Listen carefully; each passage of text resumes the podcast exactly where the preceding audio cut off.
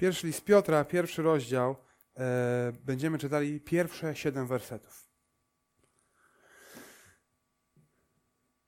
Piotr, apostoł Jezusa Chrystusa, do uchodźców rozproszonych po Poncie, Galacji, Kapadocji, Azji i Bity- Bitynii, wybranych według uprzedniej wiedzy Boga Ojca, przez uświęcenie, którego sprawcą jest Duch, do posłuszeństwa oraz do pokropienia krwią Jezusa Chrystusa.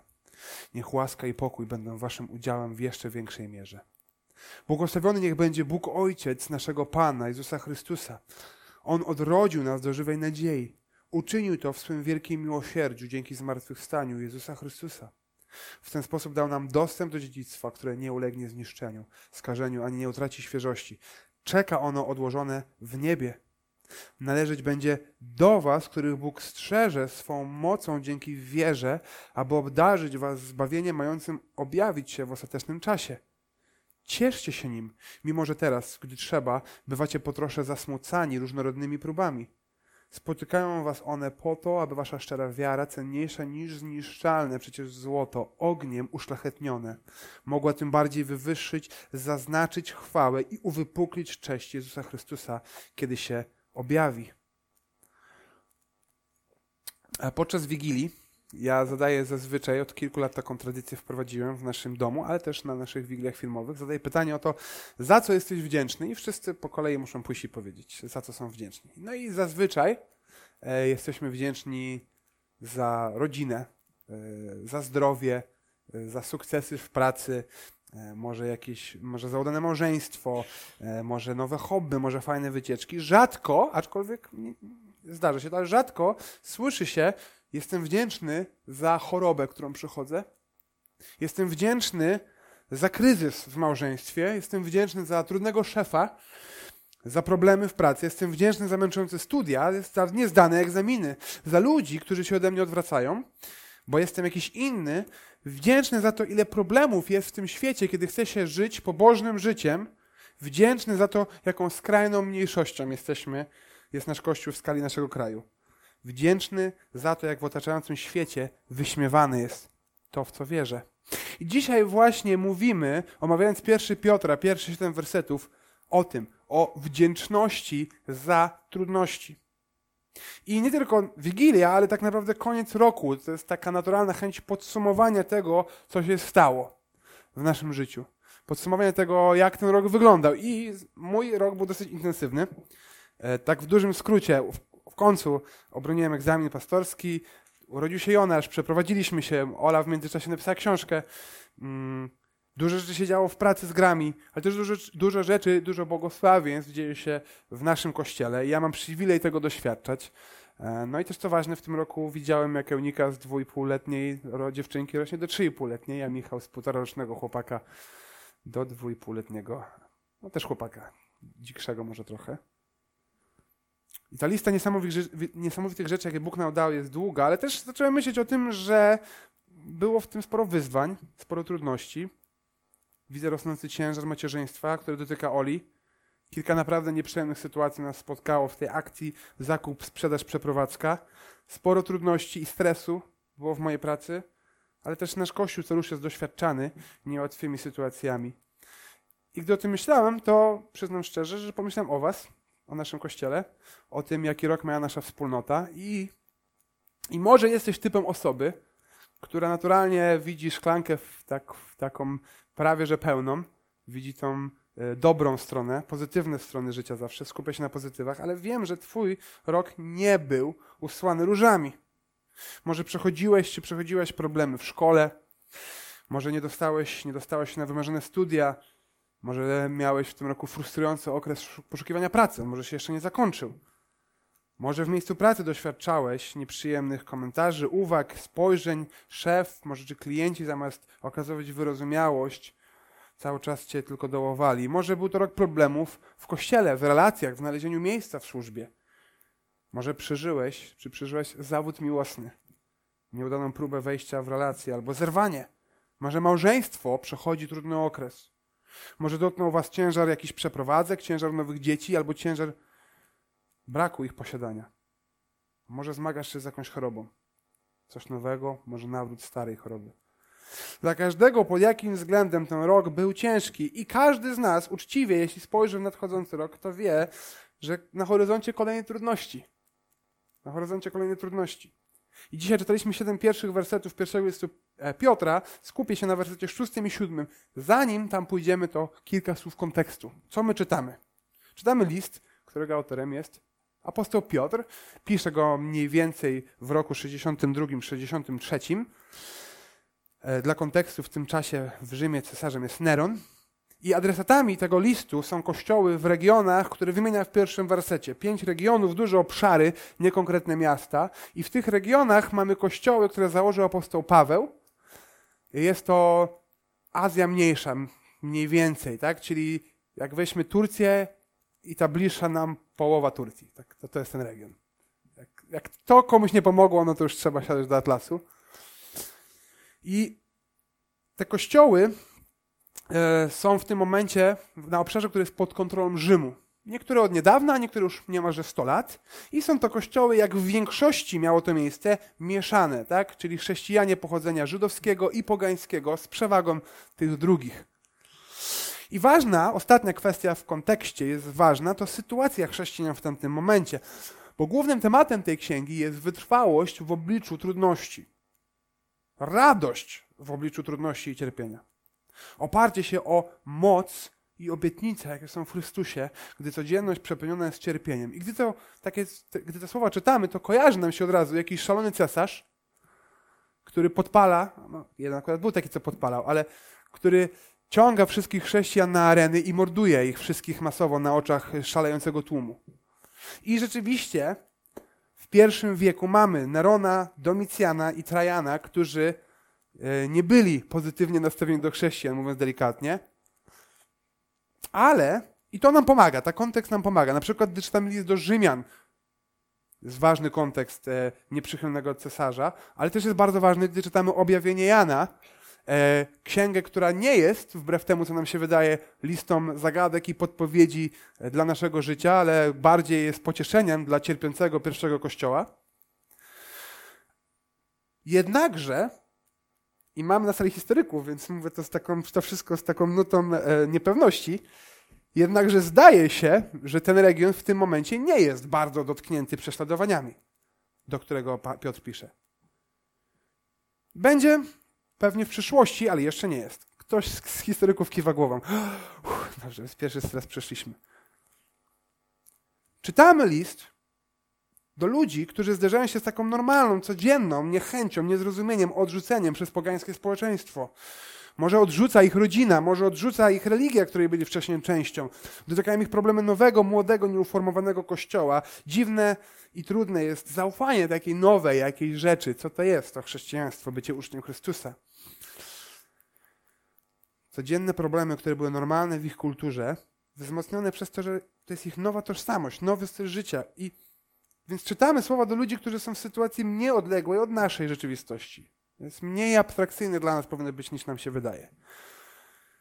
A więc wdzięczno, wdzięczny za trudności. Taki mamy dzisiaj temat. I e, bycie wdzięcznym, czy życie z poczuciem wdzięczności jest najlepszym podejściem do życia. I nie mówi tego tylko Pismo Święte. Nawet świat to dostrzega. Są badania psychologiczne, które nie wiedzą dokładnie dlaczego, ale wiedzą, że jest korelacja jakaś pomiędzy tym, jak bardzo jestem wdzięczny, a tym, jak szczęśliwy jestem w życiu. Nawet Sylwia Grzeszczak wyśpiewała nam 8 lat temu Cieszę się z małych rzeczy, bo wzór na szczęście w nich zapisany jest oczywiście. Jest coś wspaniałego w cieszeniu się zwykłymi małymi rzeczami. No jak nie znacie Sylwii Grzeszczak? No. Więc widzimy, że jest coś takiego niesamowitego, atrakcyjnego w życiu wdzięcznością, ale z drugiej strony, gdy te dobre rzeczy, za które naturalnie chcę dziękować, bledną w obliczu wyzwań czy trudności, nawet życiowych tragedii, to co wtedy? Co wtedy mam zrobić? I nasz świat daje dwie odpowiedzi. Ja myślę, że Kościół też te, te dwie odpowiedzi przyjmuje.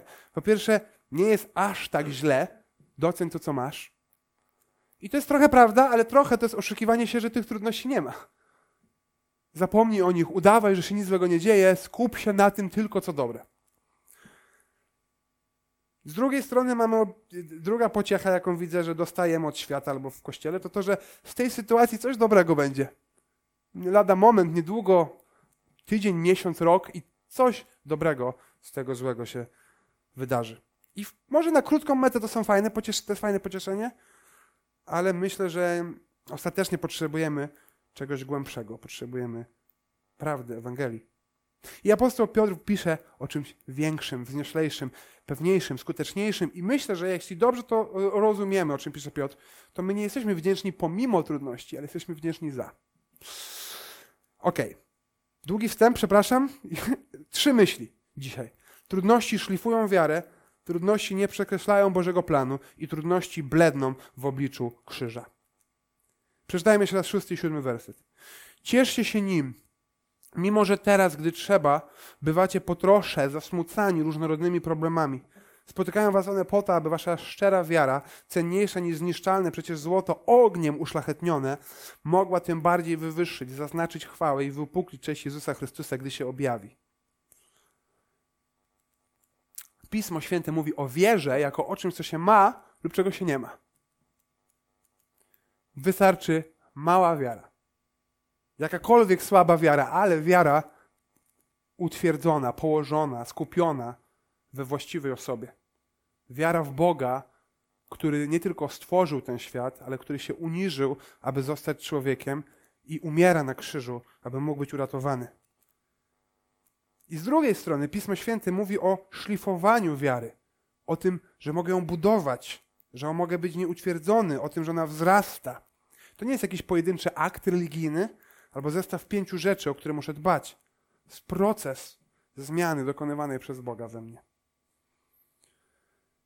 Czytamy w liście do Hebrajczyków. Utkwijmy wzrok w Jezusie, w tym, który wzbudza i doskonali wiarę.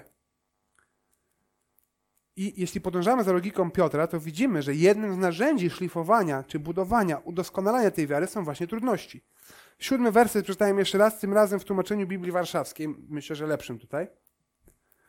Piotr pisze, a żeby wypróbowana wiara wasza, przechodzicie trudności, spotykają was te trudności, a żeby wypróbowana wiara wasza okazała się cenniejsza niż znikome złoto, w ogniu wypróbowane, ku chwale i czci i sławie, gdy się objawi Jezus Chrystus. Dwa razy Piotr używa tego samego słowa. Wypróbowana wiara cenniejsza niż wypróbowane złoto. I to słowo wypróbowane nie oznacza tylko sprawdzone. W języku polskim to oznacza sprawdzone, w oryginale też to może oznaczać sprawdzone, ale może też oznaczać uszlachetnione czy udoskonalone. E, zbadałem troszeczkę ten temat, nie jakoś bardzo dużo, więc znów mogę się mylić, możecie mnie sprawdzić. Ale dzisiaj takiego ogniowego złocenia się już e, nie robi, ale wtedy się robiło. I wyglądał ten proces w taki sposób. Jeśli chcieliśmy coś pokryć złotem, to pokrywaliśmy to, na przykład statuetkę, jakąś zastawę, mebel, to pokrywało się to y, y, złotem zmieszanym z czymś innym, z rtęcią na przykład. I rtęci y, było w roztworze około 9 razy więcej. Także to idealnie pasuje do naszego przykładu dzisiaj w ogóle. I następnie w ogniu ta rtęć wyparowywała a złoto przylegało idealnie do powierzchni. Piotr mówi o ogniu, o tym, że wiara adresatów jest właśnie uszlachetniona, udoskonalana, oczyszczana, wypróbowana przez ten ogień trudności, to co niepotrzebne, to co zabrudza, to co jest domieszką jest usunięte. Piotr mówi, że spotykają was trudności, wasza wiara jest wypróbowana, jak wypróbowane złoto, przez co chwała Jezusa jest uwypuklona. Dlatego możemy cieszyć się z trudności, nie pomimo. I dokładnie taką samą logikę, albo prawie dokładnie taką samą logikę w swoim liście przedstawia Jakub. W pierwszym rozdziale listu Jakuba, w pierwszy, w, przeczytamy drugi, trzeci, czwarty werset. Jakub pisze, poczytujcie to sobie za najwyższą radość, bracia moi, gdy rozmaite próby przechodzicie. Znów abstrakcyjne zdanie. Dlaczego? Wiedząc, że doświadczenie wiary waszej sprawia wytrwałość. Wytrwałość zaś niech prowadzi do dzieła doskonałego, abyście byli doskonali i nienaganni, nie mający żadnych braków. Próby, wytrwałość, doskonałość. Podobnie, tak? Jakub mówi próby, Piotr mówi trudności, Jakub mówi wytrwałość w wierze, Piotr mówi wypróbowana wiara, Jakub mówi doskonałe dzieło, Piotr mówi chwała Chrystusa. No i tu się wydaje, że mamy różnicę, jakby dwie inne rzeczy, Ale moim zdaniem tak nie jest. Nie skupię dzisiaj naszej uwagi na tym, żeby przeczytać cały list Piotra, to jest zadanie domowe, żeby przeczytać cały list Piotra, ale spójrzmy o czym on tam pisze dalej. Jakie daje rady w całym swoim liście Piotr? Liście, który jest o, właśnie, jest zachętą do wytrwałości, gdy przechodzimy trudności. Rozpoczyna tym tematem, kończy i w trakcie się ten temat pojawia w, w każdym rozdziale. Ale pisze o praktycznych rzeczach. Mówi, uporządkujcie myśli, porzućcie stare żądze, zapragnijcie Słowa Bożego, postępujcie szlachetnie wobec świata, szanujcie władzę, szanujcie panów, szanujcie się w małżeństwie. Bądźcie jednomyślni, pełni współczucia, braterstwa, litości i pokory. Bądźcie gotowi do głoszenia Chrystusa. Pielęgnujcie wzajemną miłość, okazujcie gościnność. Starsi troszcie się o Kościół, młodsi okazujcie pokorę. Przeciwstawcie się czekającemu grzechowi. Trudności prowadzą do szlachetnej wiary, która prowadzi do objawiania coraz większego, uwypuklania chwały Chrystusa, ale to nie jest, to nie są tylko piękne pieśni, czy treść moich modlitw, to codzienne, święte życie. Trudności szlifują moją wiarę. Bóg używa trudności w moim życiu jako narzędzia do uświęcenia. Jeśli jestem uczniem Chrystusa, to samo to równanie trudności prowadzące do wytrwałości wiary, co prowadzi do świętości, czyli chwały dla Jezusa, powinno sprawić, że będę wdzięczny za nie. I jeszcze mam jedną myśl w siódmym wersecie, ale zanim to chcę spojrzeć na to otwarcie listu, już patrzyliśmy, ale też na zakończenie listu i poruszyć drugi temat, czyli to, że trudności nie przekreślają Bożego planu. Oprócz takich zupełnie osobistych, personalnych pozdrowień, list, pierwszy list Piotra kończy się takimi słowami.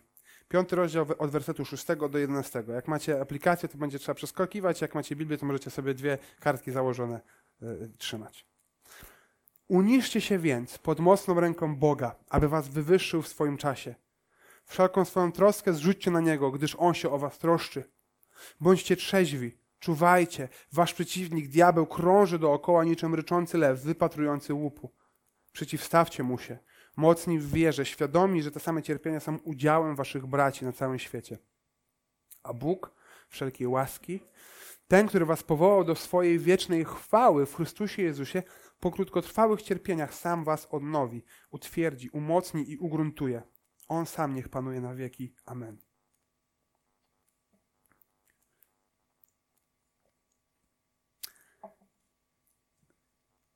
Piotr otwiera i kończy list zachęcając do wytrwałości w obliczu cierpienia.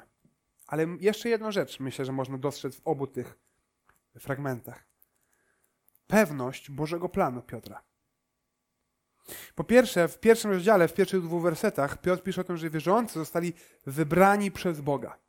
Zostali przez Niego wybrani i powołani, a nie do Niego przyszli. Nie pisze o tym, żeby wszczynać dyskusję na temat predestynacji, czyli uprzedniego boskiego wybrania, ale on tą rzeczywistość daje uczniom, pisze o niej dlatego, że to jest pewność. Pewność tego, że ich wiara nie bierze się znikąd. Ona nie jest z powietrza, z ich przemyśleń, z ich starań. To nie jest ich tradycja.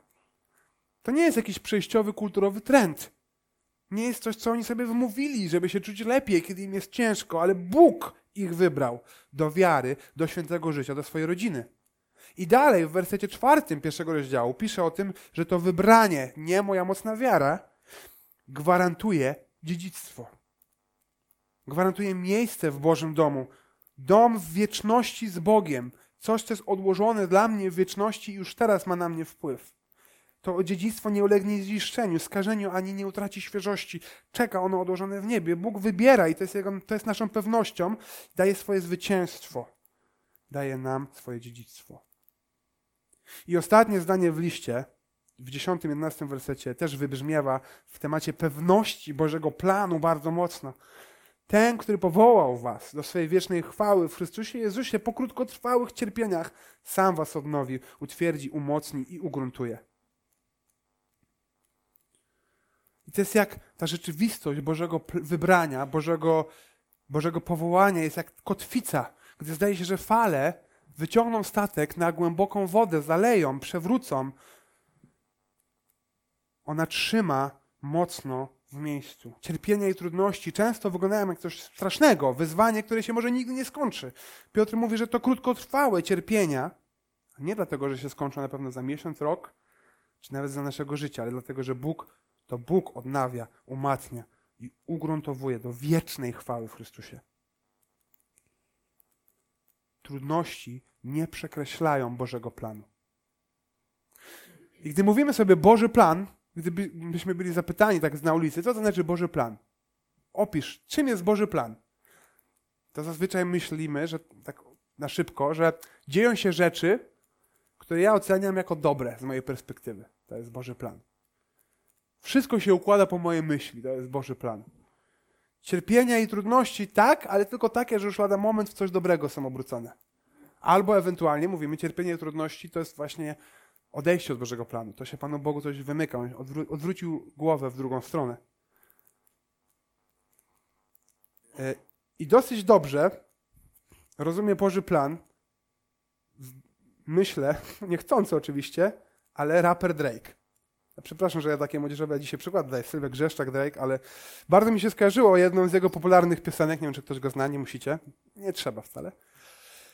Jest piosenka zatytułowana właśnie Boży Plan. I tam jest taka, no, przesłuchajcie, nie musicie. I to jest ciekawe, bo on nie jest nawrócony, niechcący się ocierał o prawdę, ale wiecie o czym on rapuje? O tym, że ma wrogów, że ma, spotykają go w życiu trudności, o tym, że nie wszystko się układa, ale od początku widzi, że w tym wszystkim Bóg go prowadzi. On nie mówi, że Boży plan jest oderwany od trudności w jego życiu, ale one są w niego wpisane. Cały czas podkreślam, on się niechcący otarł prawdę. Nie przypisujemy się do kościoła Drake'a. Ale ciekawe, że patrzymy na to i mówimy, no co on tam wie, a my sami w tym samym momencie wierzymy w Boga, który jest wszechmocny, ale trudności przekreślają jego plan. Ale Boży plan dla naszego życia i dla świata, i to może być szokująca myśl, jest planem, który ustala, rozpoczyna i kończy Bóg. Bóg przez duże B. Wszechwiedzący, wszechmocny, suwerenny, niezależny od nikogo i niczego. Nie ktoś, kto się stara i czasem mu wyjdzie, a czasem nie. I podobnie e, pisze apostoł Paweł w liście do Rzymian, ósmym rozdziale, znanych wersetach 28, 29, 30. Paweł tam pisze takie słowa. A wiemy, że kochającym Boga to jest tym, którzy są powołani zgodnie z Jego planem, wszystko służy ku dobremu. Bo tych, których wcześniej poznał, przeznaczył do współudziału w naturze swego Syna, aby On był pierworodnym pośród wielu braci. Tych zaś, których do tego przeznaczył, tych również powołał, a których powołał, tych też usprawiedliwił, a których usprawiedliwił, tych też obdarzył chwałą. I tak samo jak Piotr Paweł odnosi się do Bożego wybrania, on mówi, że fakt, że to Bóg w swojej suwerennej decyzji mnie wybiera, a nie ja decyduję sobie, żeby za nim pójść, jest najpewniejszym, najtrwalszym pocieszeniem, jakie mogę znaleźć. I Paweł, tak samo jak Piotr, zapewnia o, o czytelników o tym, że Bóg działa przez ich trudności. I gdy myślimy o dobrym Bożym planie, to fajnie się nam czyta te wersety, ale zazwyczaj też nie chcemy ich do końca. Jak mielibyśmy wybrać, to wybralibyśmy inną obietnicę. Wybralibyśmy obietnicę, że kochającym Boga, kochających Boga spotykają tylko dobre rzeczy. Kochających Boga nie, nie doświadcza, kochający Boga nie doświadczają żadnych trudności, żadnego cierpienia. A nawet jak czytamy to, co czytamy w Rzymian, to interpretujemy to też bardzo po, po swojemu. Czytamy to i myślimy, jeśli kochasz Boga, to każda pojedyncza sytuacja obróci się w coś dobrego. To trudności, które przechodzisz teraz, są zapewnieniem, gwarantem, że już lada moment za rogiem dostaniesz więcej, dwa razy więcej, trzy razy więcej. Coś dobrego się wydarzy w tej sytuacji. A ciekawe, bo ta, żadna z tych prób przeczytania tego tekstu nie są spójne z naturą Boga. Z sednem Jego relacji, jaką mamy. Z sednem relacji, jaką mamy z Nim. Dlaczego? Po pierwsze, Bóg nas nie zabiera ze świata, ale nas zostawia na tym świecie i daje pewną misję. On jest uwielbiony, gdy ludzie, Jego ludzie odzwierciedlają Jego świętość pośród zepsutego świata. On nas zmienia od środka, ale ten proces postępuje powoli, on trwa. On jest uwielbiony, gdy my dzień po dniu dostrzegamy zmianę. On nas dyscyplinuje, karze, jak kochający ojciec karze syna. On jest uwielbiony, gdy my potrafimy zaufać Mu, nawet gdy coś tracimy, nawet gdy dotykają nas te trudności. I On gwarantuje nam doskonały dom w wieczności. I my możemy się cieszyć ziemskim życiem z Nim, ale codzienne trudności i wyzwania nie mogą, nie pozwalają nam pokochać Królestwa Ziemskiego ponad Królestwo naszego Ojca. Złudne jest oczekiwanie, że każda pojedyncza sytuacja obróci się w jakiś dobry rezultat. Każda choroba zakończy się cudownym uzdrowieniem, problemy w pracy skończą się nową, lepszą pracą, podwyżką może. Może zerwana relacja skończy się zawsze tym, że znajdę jakąś lepszą partnerkę, a strata przyniesie większy zysk. Ale mamy obietnicę, że Bóg bierze całe nasze życie. Wszystko bierze. Życie, które nie było takie sobie, ale z duchowej perspektywy było po prostu martwe. I Bóg całe to życie obraca w coś dobrego. Ono było zwrócone zupełnie w drugą stronę, niż Bóg On je zwraca do siebie. A po drugie, realizuje swój dobry plan poprzez to, co się w moim życiu dzieje, przez sukcesy i porażki, przez trudności, cierpienia i ból. E, Ola Pestka jest dzisiaj z dziećmi na Kids Clubie, więc zapytałem ją, czy mogę w jej imieniu się podzielić krótko historią jej życia i się zgodziła. E, ona, możecie, ale jest z nami, więc możecie z nią potem porozmawiać. Możecie ją zapytać, jak się czuje ostatnio i jak wygląda relacja z Panem Bogiem. To będzie zachęcające na pewno, jak dla wszystkich. Ale myślę, że niewiele osób wie o tym, że Ola ma pasję do logopedii i lubi to bardzo, dlatego że lubi pomagać. To jest jakaś taka pasja, chce pomagać, zajmować się dziećmi, e, e, wspierać, wychowywać, dawać coś innym. I studiowała to, ale chciała zmienić studia w tym roku na inne, lepsze. I na, e, na te nowe studia był egzamin wstępny. I na tym egzaminie wstępnym okazało się, że Ola ma e, wadę. Nie jakąś taką jasno widoczną wadę wymowy, ale ma. I ona jest de facto zdyskwalifikowana do tego, żeby być logopedą. I koniec. I nie poszła na te studia. I teraz byśmy chcieli powiedzieć, i dostała lepsze studia następnego dnia. I dostała pracę z jakąś fantastyczną podwyżką potem. Albo i się coś innego wydarzyło. Akurat wychodziła i 100 zł na ziemi leżało, czy cokolwiek. Nie dostała świetnej pracy w zamian jakichś innych lepszych studiów. Mieszka w tym momencie ze swoją bardzo chorą babcią. I, i co? Jeśli ją znamy, to wiemy, że przez trudności Bóg buduje jej charakter i ona się cieszy w nich z Jego obecności, a nie z tego, co On tam w zamian jej dał.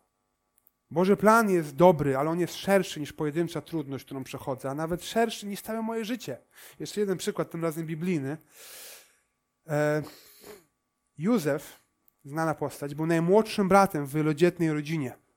I pewnego razu, gdy był razem z braćmi, oni go trochę poturbowali i wrzucili do jamy i zaczęli rozmawiać, może słyszał to nawet, żeby go nie zamordować. Łaskawie stwierdzili, że nie, sprzedadzą go do niewoli. Zostaje sprzedany do niewoli, tam ciężko i solidnie pracuje i zostaje fałszywie oskarżony, będąc niewolnikiem w obcym kraju, fałszywie oskarżony o coś i trafia do więzienia. W tym więzieniu pomaga człowiekowi, który ma mu pomóc i on zapomina i mu nie pomaga, on siedzi dalej w tym więzieniu. I ostatecznie zostaje zarządcą kraju. Józef, Egiptu. I jego bracia, którzy go wcześniej chcieli zamordować, ostatecznie tylko go sprzedali do niewoli i okłamali y, jego ojca, spotykają się z nim po latach i oni wiedzą, co nadchodzi. Domyślają się, że no, no Józef ich sprawiedliwie ukaże, każe ich ściąć. Może czeka, aż umrze ich ojciec Jakub i potem po nich jest. I przychodzą do niego i mówią, no, że no właśnie, no, jaki jest plan? Pewnie chcesz nas zabić. A Józef odpowiada na samym końcu księgi, pierwszej księgi Mojżeszowej, czyli księgi rodzaju. Wy wprawdzie, rodzaju 50-20, wy wprawdzie knuliście zło przeciwko mnie, ale Bóg obrócił to w dobro, chcąc uczynić to, co się dziś dzieje. Zachować przy życiu liczny lud. Uczyniliście przeciwko mnie złe rzeczy, ale Bóg je wziął i zrobił je dobrymi w swoim planie. Czy Bóg nie mógł tego szybciej zrobić? Czy Bóg nie mógł ich przeteleportować jakoś do tego Egiptu albo nie, nie wzesłać tej suszy? Czy mógł nie zrealizować swojego planu inaczej? Czy mu na wszystko to musiało na Józefa spaść? Czy to było warte to cierpienie tego rozwiązania? Jak to zważymy? Czy on wystarczająco dużo dostał pod koniec życia, że tyle wcześniej stracił? My próbujemy myśleć po swojemu, ale Boży plan jest dobry i szerszy niż moja perspektywa. I wiecie, co jest ciekawe? Że patrzymy na życie Józefa i myślimy sobie, no, się dobrze obróciło wszystko na końcu w Bożym planie, ale to nie jest koniec Bożego planu. Po tym, czy w Bożym planie nie ma faraona, który ma zatwardziałe serce i nie chce wypuścić swojego ludu, nie ma plag i paschy, i baranka paschalnego, i ostatecznie baranka Bożego, który gładzi grzechy świata, umiera na krzyżu i zmartwychwstaje? Czy jego plan nie rozciąga się na tysiąclecia i jego kluczowy moment jest w krzyżu Chrystusa? Skoro o takim Bogu mówimy, to jak możemy oczekiwać, że na pewno wszystkie trudności, cierpienia i zło, jakie mnie dotyka, dosiągnie, dosięgnie rozwiązania w perspektywie miesiąca, roku, może na, na pewno mojego życia? Zaufanie Bogu nie skutkuje tym, że On za naszego życia wyrównuje wszystkie rachunki, odpłaca od razu, realizuje swój dobry plan po mojemu, skutkuje tym, zaufanie Bogu skutkuje tym, że On nie odpłaca mi sprawiedliwie. Tylko sprawiedliwy grzech spada na Jezusa zamiast na mnie. On bierze na siebie cierpienie, problemy i trudności, na które nie zasłużył, abym ja mógł mocno oprzeć się o Bożą obietnicę i przechodząc przez te codzienne trudności, widzieć wzrost mojej wiary prowadzący do uwielbienia, który cierpiał największe cierpienie za mnie. I trzecia, ostatnia myśl dzisiaj jest taka, że trudności bledną w obliczu krzyża. Jeszcze raz przeczytajmy 1 Piotra 6,7. Cieszcie się nim, tym dziedzictwem, mimo że teraz, gdy trzeba, bywacie po trosze zasmucani różnorodnymi próbami. Spotykają was one po to, aby wasza szczera wiara, cenniejsza niż zniszczalne, przecież złoto ogniem uszlachetniane, mogła tym bardziej wywyższyć, zaznaczyć chwałę i wypuklić cześć Jezusa Chrystusa, kiedy się objawi. Mówiliśmy już o tym. Trudności prowadzą do wypróbowanej wiary. Jestem narzędziem, uczestnikiem, odbiorcą Bożego procesu wychowania. Jestem jak syn, którego kochający ojciec chroni, ale i doświadcza. Każe, buduje jego charakter, ale celem samym w sobie nie jest zmiana we mnie, ale uwielbienie Chrystusa, które przez to przychodzi. Ja ani moja wiara nie jesteśmy w centrum. W centrum jest wywyższona chwała, uwypuklona cześć Jezusa Chrystusa. Ja w tym życiu nie mam szansy. Ja bym chciał, ale nie mam szansy wybrać opcji. Chcę uniknąć wszystkich trudności. Nie ma takiej drogi, nie ma takiego wyjścia. Mam dwa wyjścia. Będziemy doświadczali trudności na pewno, będziemy doświadczali cierpienia, różnego cierpienia, różnie je odbieramy. Ale rzeczywistość jest taka, że dopóki Bóg nie wróci, i nie zbuduje nowej ziemi, nowego nieba, nie założy swojego królestwa w pełni, nie rozprawi się ostatecznie ze śmiercią, to cierpienie jest wpisane w życie na tej ziemi. I mam dwie opcje w tych trudnościach. One albo uwielbiają mnie, albo uwielbiają Boga. Albo ufam sobie i jestem sfrustrowany, że tak niesprawiedliwie dotyka mnie cierpienie w tym życiu i trudności, albo ufam sobie i poklepuję się po plecach, jak mi się udało fantastycznie przez nie przejść. I pomimo tych wszystkich trudności jestem taki radosny w życiu, uśmiechnięty, albo ufam Bogu i te trudności mnie nie zaskakują, nie przytłaczają, nie okradają spokoju i szczęścia i Jemu oddaję chwałę idąc przez nie, Jemu oddaję chwałę, gdy On mnie z nich wyprowadza w tym życiu albo w wieczności. I apostoł Paweł pisze tak o swoim życiu w drugim Koryntian, w czwartym rozdziale. Apostoł Paweł z ludzkiej perspektywy był ustawiony, miał wykształcenie, pozycję, szacunek ludzi, stabilną pracę, solidny rodowód i wartościowe obywatelstwo. Bóg to zabiera i w zamian daje mu co? Problemy, prześladowania, zagrożenie życia, niebezpieczne podróże, ludzi w służbie, którzy go zdradzają. Paweł zakłada kościoły i jeden z kościołów, który założył jest kościół w Koryncie.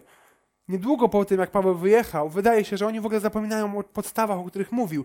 Grzech się pojawia w tym kościele tak obrzydliwy, że ciężko to sobie wyobrazić. I co gorsza, zaczynają wątpić w ogóle w to, że Paweł naprawdę jest apostołem, że naprawdę jest posłany przez Chrystusa, że to, co mówi, jest prawdą. Czy on ich nie chciał naciągnąć, czy on ich nie chciał oszukać, czy on im tylko nie nawijał makaronu na, uszu, na uszy? On nie chciał od nich niczego. Głosił im całymi dniami, pracował po nocach, żył skromnie i w drugim liście do Koryntian broni swojego apostolstwa. I pisze tam takie słowa w czwartym rozdziale, 7 do 11. Skarb ten mamy w naczyniach glinianych, aby było widoczne, że źródłem tej ogromnej mocy jest Bóg, a nie my. Zewsząd uciskani nie jesteśmy przytłoczeni. Bywamy bezradni, lecz nie zrozpaczeni, prześladowani, lecz nie opuszczeni, powaleni, ale nie pokonani. I zawsze śmierci Jezusa nosimy w swoich ciałach, aby i życie Jezusa stało się w naszym ciele wyraźne. Stale bowiem my, którzy żyjemy, wydawani jesteśmy na śmierć dla Jezusa, aby i życie Jezusa ujawniało się w naszym śmiertelnym ciele. Apostoł Paweł wie dwie rzeczy. Po pierwsze, już to, o czym czytaliśmy, Bóg działa szerzej, niż on jest w stanie to dostrzec i ma gwarancję, że Boży Plan jest stały i jest dobry. Ale po drugie, widzi wyższą wartość niż dobra ziemskie, które on mógłby sobie wyobrazić i wy, wypisać na liście, pomarzyć, powalczyć o nie w życiu. Chrystus jest widoczny w jego życiu. Trudności bledną w obliczu krzyża. Inaczej mówiąc, krzyż jest bardziej widoczny w naszych trudnościach. Im więcej przechodzimy trudności, tym mocniej widzimy, jak bardzo potrzebujemy Jezusa. Im więcej przechodzimy trudności, tym bardziej doceniamy krzyż, ostateczny ratunek w naszej największej trudności, grzechu, który nas oddzielał od Boga. I ostatni już fragment, który chcę dzisiaj przeczytać i przejdę do podsumowania. Jezus podczas ostatniej wieczerzy mówił uczniom o tym, że mają trwać w Nim i w Jego Słowie. Przyjdzie pocieszyciel, Duch Święty, który zamieszka w nich, będą prześladowani, ale ich smutek obróci się w radość. I kończy tą wypowiedź takim zdaniem. Jana 16:33. Powiedziałem wam o tym, abyście we mnie mieli pokój. Na świecie będziecie doświadczać ucisku. Będziecie. On ich nie oszukuje, nie wciska im jakiejś sztucznej, pustej Ewangelii sukcesu. Będziecie doświadczać ucisku, ale odwagi ja odniosłem już zwycięstwo nad światem. Komu, podsumowując, e, trzy pytania chcę nam zostawić. Komu ufam w swoich trudnościach? Świat, i gdy mam na myśli świat, to znajomi, moje własne myśli, czasami poradniki psychologiczne, czy, czy, czy gazety e, e, popularno-naukowe mają dla nas różne porady w naszych trudnościach, ale tylko Jezus ma ostateczne rozwiązanie. I ciekawe jest to, że po ludzku potępiamy, naś, prześmiewamy postawę, jak trwoga to do Boga. Dlaczego to jest dla nas śmieszne? Dlaczego to jest takie obraźliwe? Bo myślimy, że w naszych trudnościach wypada sobie poradzić na własną rękę. Wiemy doświadczenie życiem, że możemy liczyć raczej tylko na siebie ale cierpienie, trudności, świadomość swojej wewnętrznej choroby są wpisane w dobrą nowinę nieodłącznie. Bóg nie chce ludzi, którzy myślą, że sobie radzą, ale ludzi, którzy wiedzą, że ktoś ich musi uratować. W kim pokładasz nadzieję? Komu powierzasz swoje życie?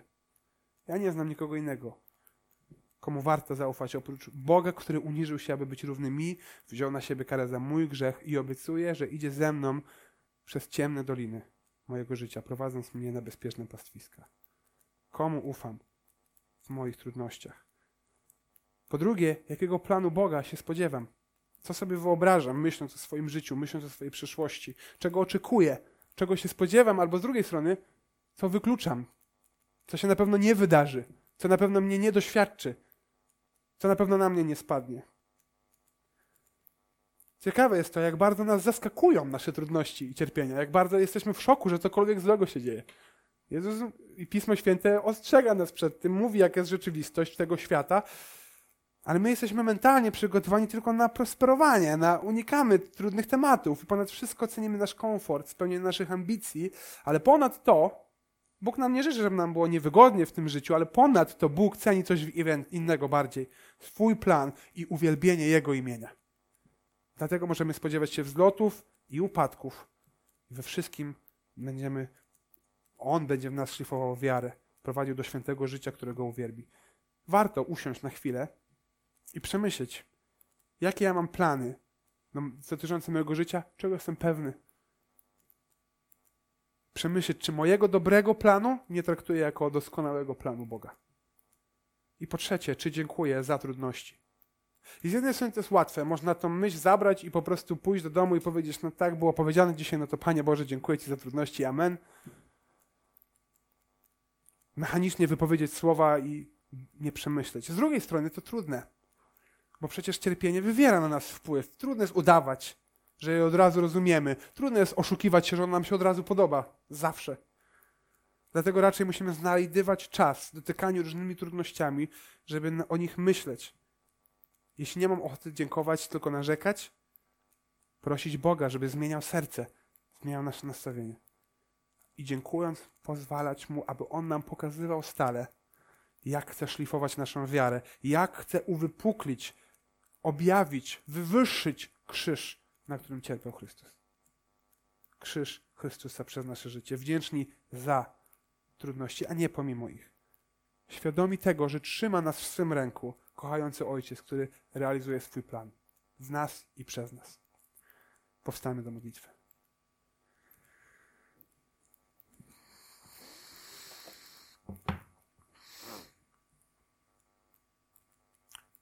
Drogi Ojcze w niebie, dziękujemy Ci za to, że przed tak wieloma rzeczami nas chronisz. Tak wiele dobrych rzeczy nam dajesz. Tak bardzo nam błogosławisz, tak często odpowiadasz na nasze modlitwy. Jest tyle rzeczy, za które możemy dziękować, o których nawet nie widzimy, których nawet nie jesteśmy świadomi. Ale też dziękuję Ci, Ojcze, za to, że ponad to Ty nas wychowujesz, szlifujesz naszą, naszą wiarę. Prowadzisz nas przez te trudności. Nie opuszczasz nas wtedy, nie jesteśmy wtedy sami, nie jesteśmy zdani na swoje własne siły. Dziękujemy Ci, Ojcze, za to, że Ty wykorzystujesz te ciemne doliny, aby Chrystus był bardziej uwielbiony przez nasze życie. Proszę Cię, Ojcze, o to, abyś Ty nam każdego dnia o tym przypominał i uczył nas wdzięczności za Twoją obecność w, w tłustych i w chudych latach. W czasie, kiedy naturalnie cieszymy się, radujemy, chcemy dziękować i w czasie, kiedy naturalnie jesteśmy przybici, jesteśmy smutni, chcemy narzekać.